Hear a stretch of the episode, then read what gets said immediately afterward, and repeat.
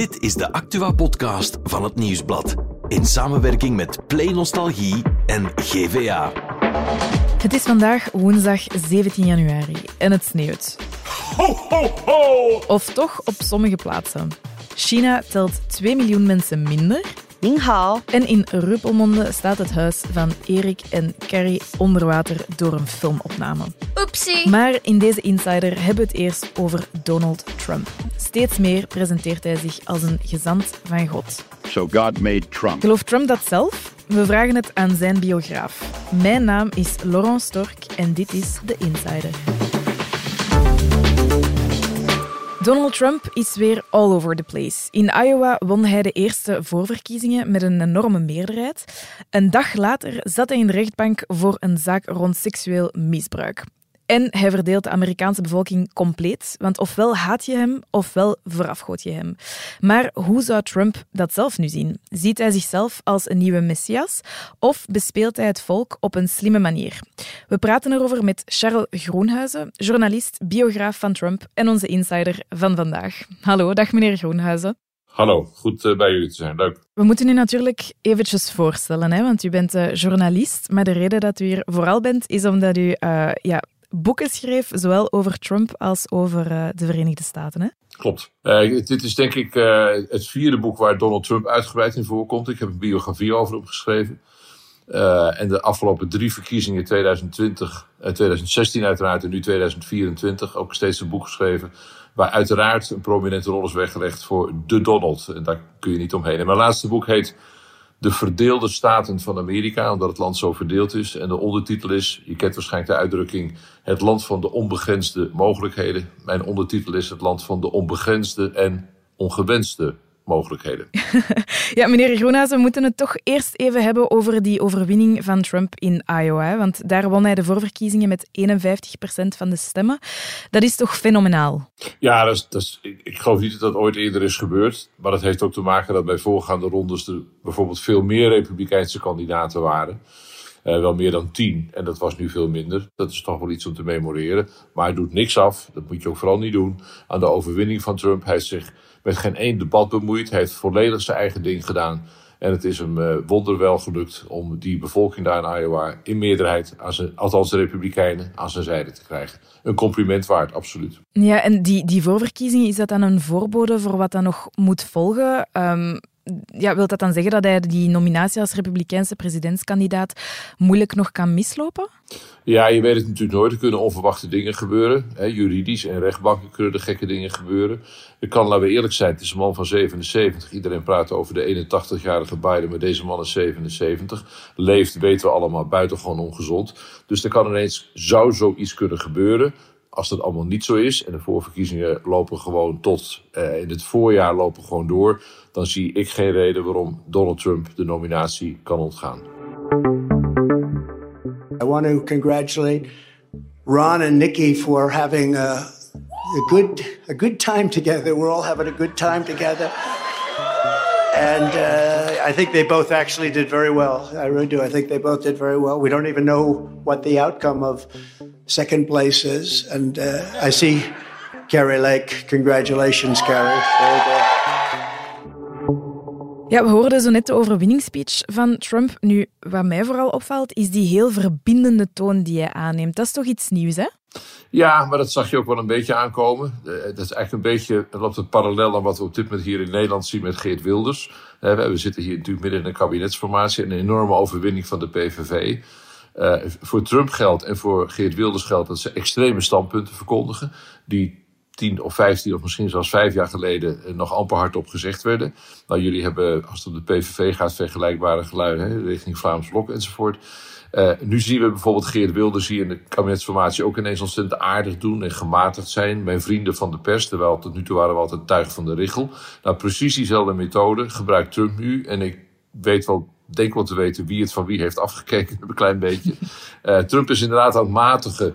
Uh, en, en het gevolg daarvan is dat de koppen in de kranten zijn niet langer... oh jee, die Trump is zo extreem en idioot en wat je er verder ook maar van vindt. Of fantastisch als je een fan van hem bent. En nu komen de koppen in de kranten zo meteen... jongen, die Trump is eigenlijk wel, nou, ze gaan matigen. Het begint presidentieel te klinken. Ja. Nou, dat is precies wat hij wil. En dat sluit aan bij mijn, mijn observatie van jaren al. Dat van alles wat je van Trump kunt zeggen, hij is absoluut een geniale campaigner.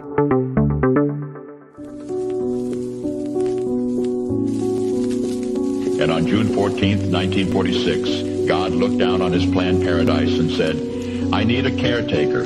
So God gave us Trump. God said, I need somebody willing to get up before dawn, fix this country, work all day, fight the Marxists, eat supper, then go to the Oval Office and stay past midnight at a meeting of the heads of state. So God made Trump. En God Made Trump. Het is uh, slechts een deeltje van de drie minuten durende video die Trump eerder deze week zelf deelde op sociale media. Nu, meneer Groenhuizen, ziet Trump zichzelf echt zo als ja, die God? Nou, hij heeft zichzelf wel eens de chosen one genoemd, de uitverkorene. Nou, wie een beetje bijbels is, weet dat er maar één uitverkorene is. En dat is niet Donald Trump. hij heeft toen gezegd, ja, dat was een grap en uh, zo had ik het niet zo bedoeld. Maar goed, het, hij heeft het zo gezegd en nou ja... Uh, zeker is dat hij uh, door heel veel Amerikanen, christelijke Amerikanen, evangelicals, wel gezien wordt als een soort representant van God. In die zin, in het filmpje wordt het ook gezegd, God made Donald Trump. Hij wordt gezien als degene die als geen ander de boodschap van de Bijbel, de christelijke levensstijl, de christelijke idealen niet alleen kan uitdragen, maar ook kan verwezenlijken in Amerika. I need the most diligent worker to follow the path and remain strong in faith and know the belief of God and country. Uh, en daarbij stuit aan, ik heb er in mijn boek ook uitgebreid over geschreven, een stroming die we christelijk nationalisme noemen. En dat christelijk nationalisme komt er eigenlijk kortweg op neer dat Amerika een christelijk land moet worden. Nou is het, als je naar de bevolking kijkt, voor een flink deel een christelijk land. Maar in de grondwet is een zeer uitdrukkelijke scheiding aangebracht tussen kerk en staat. Anders dan wij bijvoorbeeld hier in Nederland hebben. Uh, en wat die christelijk nationalisten graag willen, is dat in veel meer onderdelen van het openbare leven, denk aan scholen, denk aan overheidsgebouwen enzovoort, denk aan allerlei politieke initiatieven, het christelijk geloof een veel prominentere rol zal gaan spelen en een soort nationale godsdienst wordt. Uh, ik, ik, heb het wel vergeleken, ook vanwege de bejaarde uh, karakter van veel van de politieke leiders, een soort Iran-light. Daar moet je een beetje mee oppassen, omdat Iran in heel veel opzichten natuurlijk een, een, een ander land is uh, dan Amerika. Maar er zijn toch ook wel forse overeenkomsten. Dat streven naar een soort nationale godsdienst. Het hele leven moet eigenlijk in dienst staan van die godsdienst en in dienst van zeg maar, de boodschap van God en Jezus. Uh, we hebben nogal bejaarde leiders. Die bejaarde leiders vinden eigenlijk Trump voorop dat je een deel van de grondwet maar opzij moet zetten. Vrouwen moeten minder rechten krijgen. LHBTIQ'ers moeten minder rechten krijgen. Dus vandaar mijn karakterisering van Amerika als Trump gekozen wordt. Als de Republikeinen hun zin krijgen van een Iran light. Is dat de voorbije jaren dan ook niet wat geëvolueerd? Um, als ik kan me niet herinneren dat Trump bij zijn eerste campagne um, afkwam met filmpjes waarin uh, hij zich zo liet afbeelden. Is dat een beetje veranderd? Ja, dat, het is sterker geworden. Het is groter geworden. In, in twee opzichten. Trump is meer die kant opgeschoven. En die evangelicals, zijn trouwe stemmers, 80% van de evangelicals hebben in het verleden op Donald Trump gestemd, zijn ook duidelijk in die richting opgeschoven. En dat heeft ook te maken met de tegenbeweging. Ook daar besteed ik uitgebreid aandacht aan in mijn boek. De tegenbeweging van de progressieve, de linkerkant. Even heel simpel, de hele discussie over gender bijvoorbeeld en transgenders is in Amerika virulent op dit moment. Uh, onder de jonge generatie met name. Nou, aan de ene kant zie je die beweging: geef mensen meer rechten, laat mensen zijn wie en wat ze zijn en hoe ze willen leven. Tegenover de beweging van de Republikeinen en de evangelicals, die het eigenlijk het liefste zou willen verbieden. Die zeggen: transgenders, houd toch op met die kleskoek. Uh, dat, dat willen we niet, willen we in ieder geval niet faciliteren. Uh, denk bijvoorbeeld ook aan een enorme tegenstelling rond klimaat. Nou, die progressieve jonge beweging zegt alsjeblieft, zorg voor een schoner, beter klimaat voor ons, onze kinderen en onze kleinkinderen. Aan de republikeinse conservatieve kant is veelvuldig gezegd van het is eigenlijk allemaal onzin. Voor een deel terwijl gezegd het is een complot van de Chinezen. Uh, nou, dat gaat maar door. Nou, je ziet eigenlijk, ik heb het vergeleken met twee schuivende continenten. Uh, aan de ene kant dat rechtse continent wat opschuift en het linker continent. En ik, in mijn boek heb ik het beschreven alsof die verschuiving die in werkelijkheid heel langzaam gaat. Hè, die continenten schuiven een centimeter per jaar of zo. Maar even afgevraagd, wat gebeurt er nou als die politieke continenten met reusachtige vaart op elkaar knallen? Eh, dat is eigenlijk waar we nu tegenaan kijken. Op 5 november, de dag van de verkiezingen, knallen die met een reusachtige vaart op elkaar. En dat bepaalt, en daarom is deze verkiezing naar mijn oordeel echt van historische waarde nu al. Het zal bepalen in welke richting Amerika de komende 10, misschien wel 20 jaar gaat.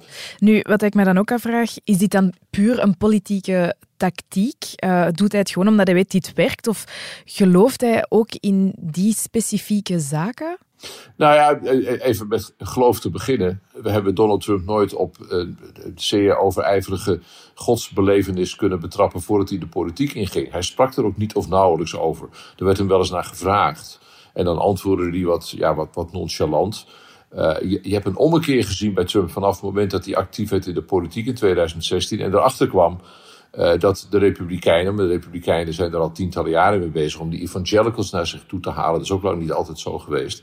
En Trump heeft zich toen uh, eigenlijk zichzelf op het schild geheven. En is hij juist die religieuze evangelical boodschap heel erg gaan verkondigen. Mm -hmm. Is dat zijn eigen persoonlijke overtuiging? Nou, ik ben ervan overtuigd, nee, dat is niet zijn eigen persoonlijke overtuiging. Okay. Maar heeft heel erg te maken weer met die politieke marketing. En er is een interessante parallel. Hè? Kijk, ik, ik heb in mijn boek uh, heb ik wat zijn nou echt hele goede campaigners geweest de afgelopen 50, 60 jaar? Nou, bij Democraten zie je er dan twee, Bill Clinton en Barack Obama, naar mijn oordeel. If there is anyone out there who still doubts that America is a place where all things are possible. En bij de Republikeinen met stip op één, Ronald Reagan. Many of the most compelling arguments against abortion are as old as our civilization, indeed. En een goede runner-up is Donald Trump op dat vlak. En die Ronald Reagan is degene geweest, hè, president van 1980 tot 1988, republikein, Californië. Die heeft, voordat hij president was, zeer progressieve wetgeving, bijvoorbeeld voor abortus, uh, ondertekend.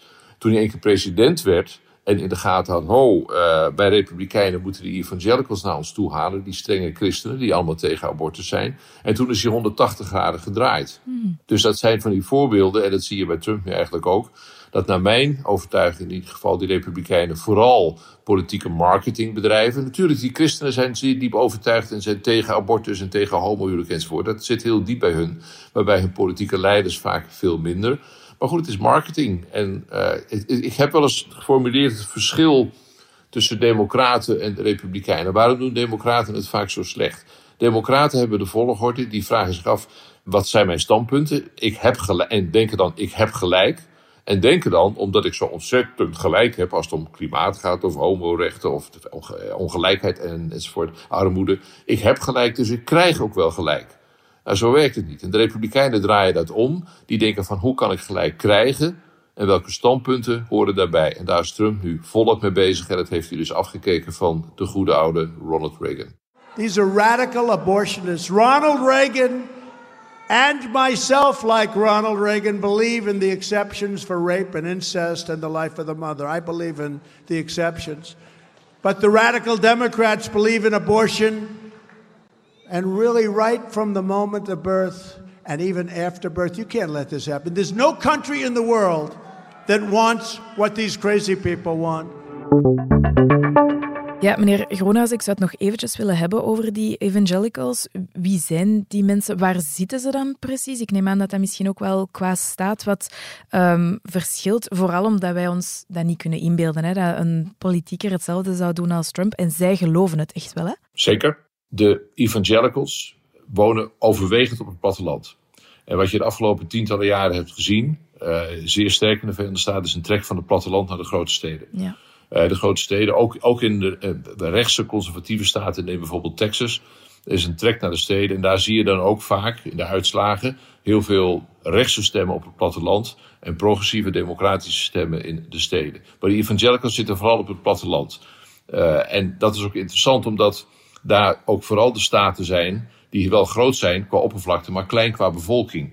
En in het Amerikaanse systeem, denk aan de samenstelling van de Senaat, elke staat, ook of je nou 700.000 inwoners hebt zoals Noord- en South Dakota, of 40 miljoen zoals Californië, of 30 miljoen zoals New York, je krijgt twee senatoren. Maar je raadt het al, dan is zo'n staat met een kleine bevolking is geweldig in het voordeel. Ja. Dat is gewoon de wet. Dat kun je niemand kwalijk nemen. Dat is bitter voor de democraten dat het zo is. Maar het is nu een keer zo en het staat zo in de wet en zal ook niet veranderen. Dus daar wonen vooral die evangelicals. En je zult ook zien in de komende maanden bij de verdere voorverkiezingen, maar ook later bij de eindronde van die eindigt op 5 november uh, dat met name de Republikeinse kandidaten vaak in die staten in de Midwest, he, de, de, ze noemen het wel eens de flyover country, omdat ja. heel veel mensen van oost naar westkust vliegen. En als je het simpel bekijkt, heel, bijvoorbeeld, we hebben het steeds over de evangelicals.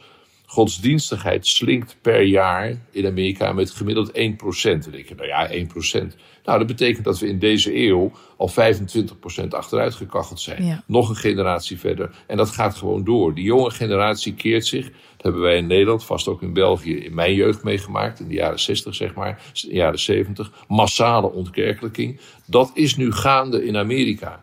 En als ik nu het fanatisme zie aan de rechterkant om Trump te steunen, heeft dat hiermee te maken.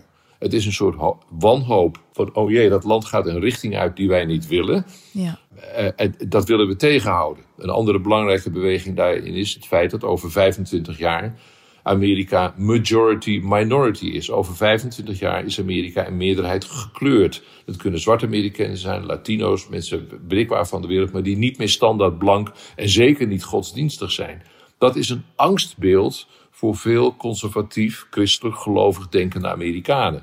En dat angstbeeld, die angst zetten mensen vaak om in een soort, soort boosheid. En die boosheid zie je nu bij de stembus terug. En die boosheid is precies wat Donald Trump op zo'n knappe manier, geraffineerd als je het onaardig zegt, maar op een knappe manier gebruik van maakt. Ja, nu als we het eventjes ja, terug over Trump zelf hebben. Um, ik dacht dat we alles hadden gezien in die eerste vier jaar. En dan kwam er uh, de bestorming van het Capitool en nog van alles. Wat denkt u zelf? Hebben we alles gezien?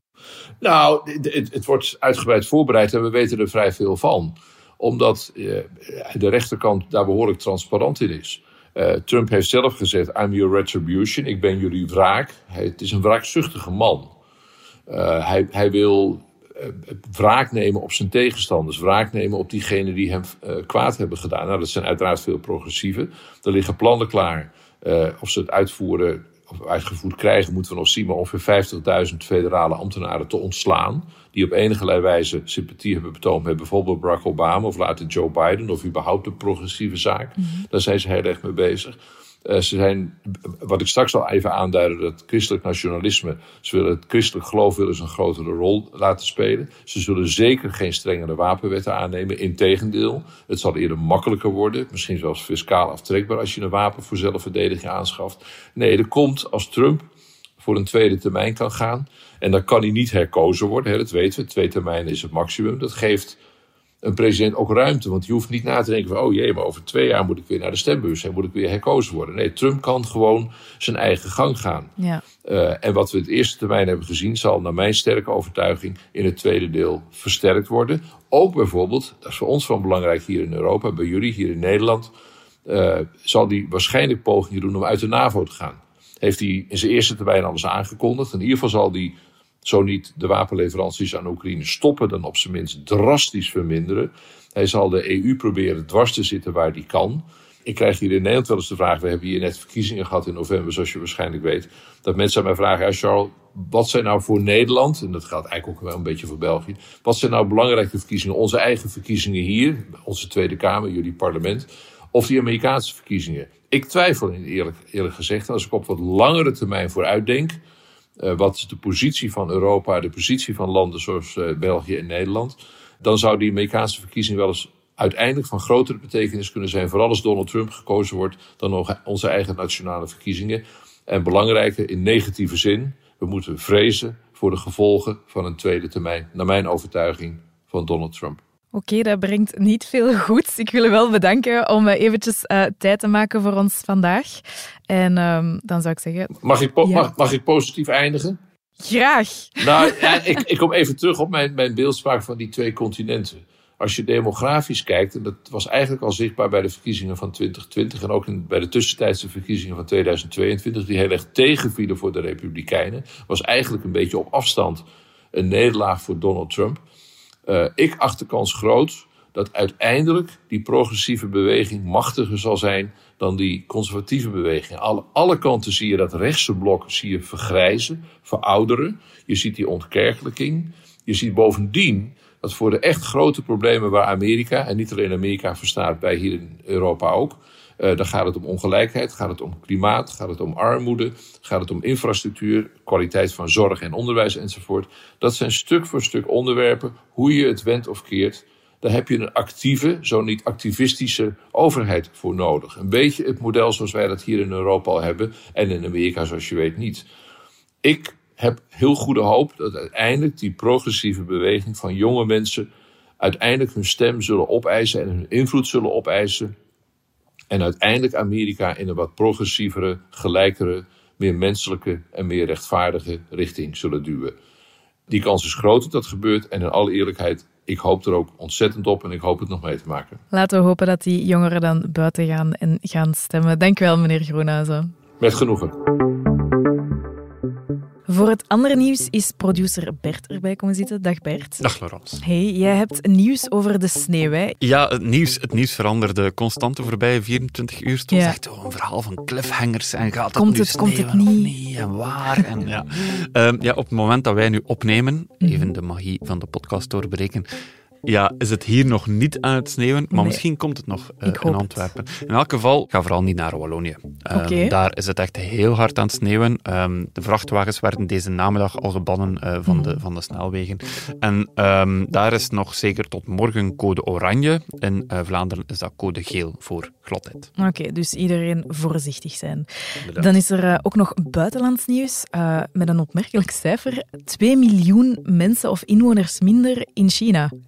Ja, dat lijkt wel veel, 2 miljoen. Dat, Dat is ook gigantisch. gewoon ja, veel. Eh, maar eh, ja, in China is dat natuurlijk allemaal relatief. Peanuts. Het is, ja, het is zo dat de bevolking van China vorig jaar ehm, ja, gekrompen is met 2 miljoen mensen. Mhm. Ehm, nu, ze hebben er 1,4 miljard, dus dat is inderdaad wel nog Ja, peanuts. oké. ja. Dus ze hebben wel nog genoeg volk. Ze hebben nog genoeg volk, maar het is toch opvallend. Ze zijn daar niet zo blij mee Mhm. in China zelf, eh, omdat dat natuurlijk op lange termijn een rem op de groei zet. Ja. Eh, ja, minder werkvolk op termijn, eh, een vergrijzende bevolking. Dus, dus ja, ze maken zich daar wel wat zorgen over, maar dat is natuurlijk het gevolg van de één-kind-politiek van decennia geleden, van ook het feit dat een kind meer kost in China om op te voeden. Dus Ja.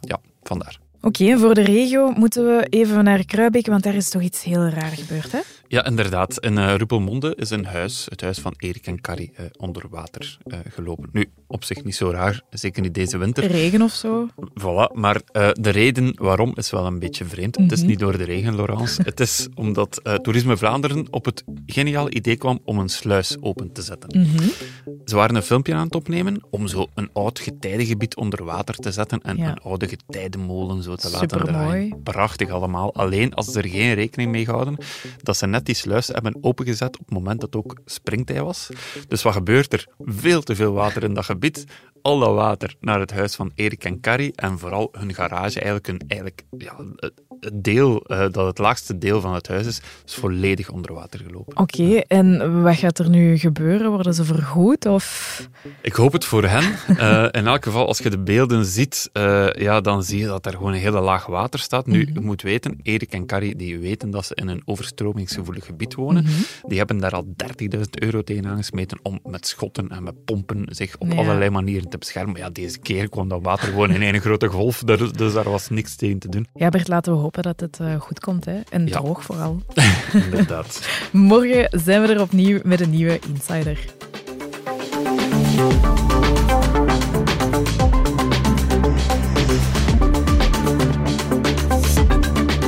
Dit was The Insider, een podcast van het Nieuwsblad in samenwerking met Play Nostalgie en GVA.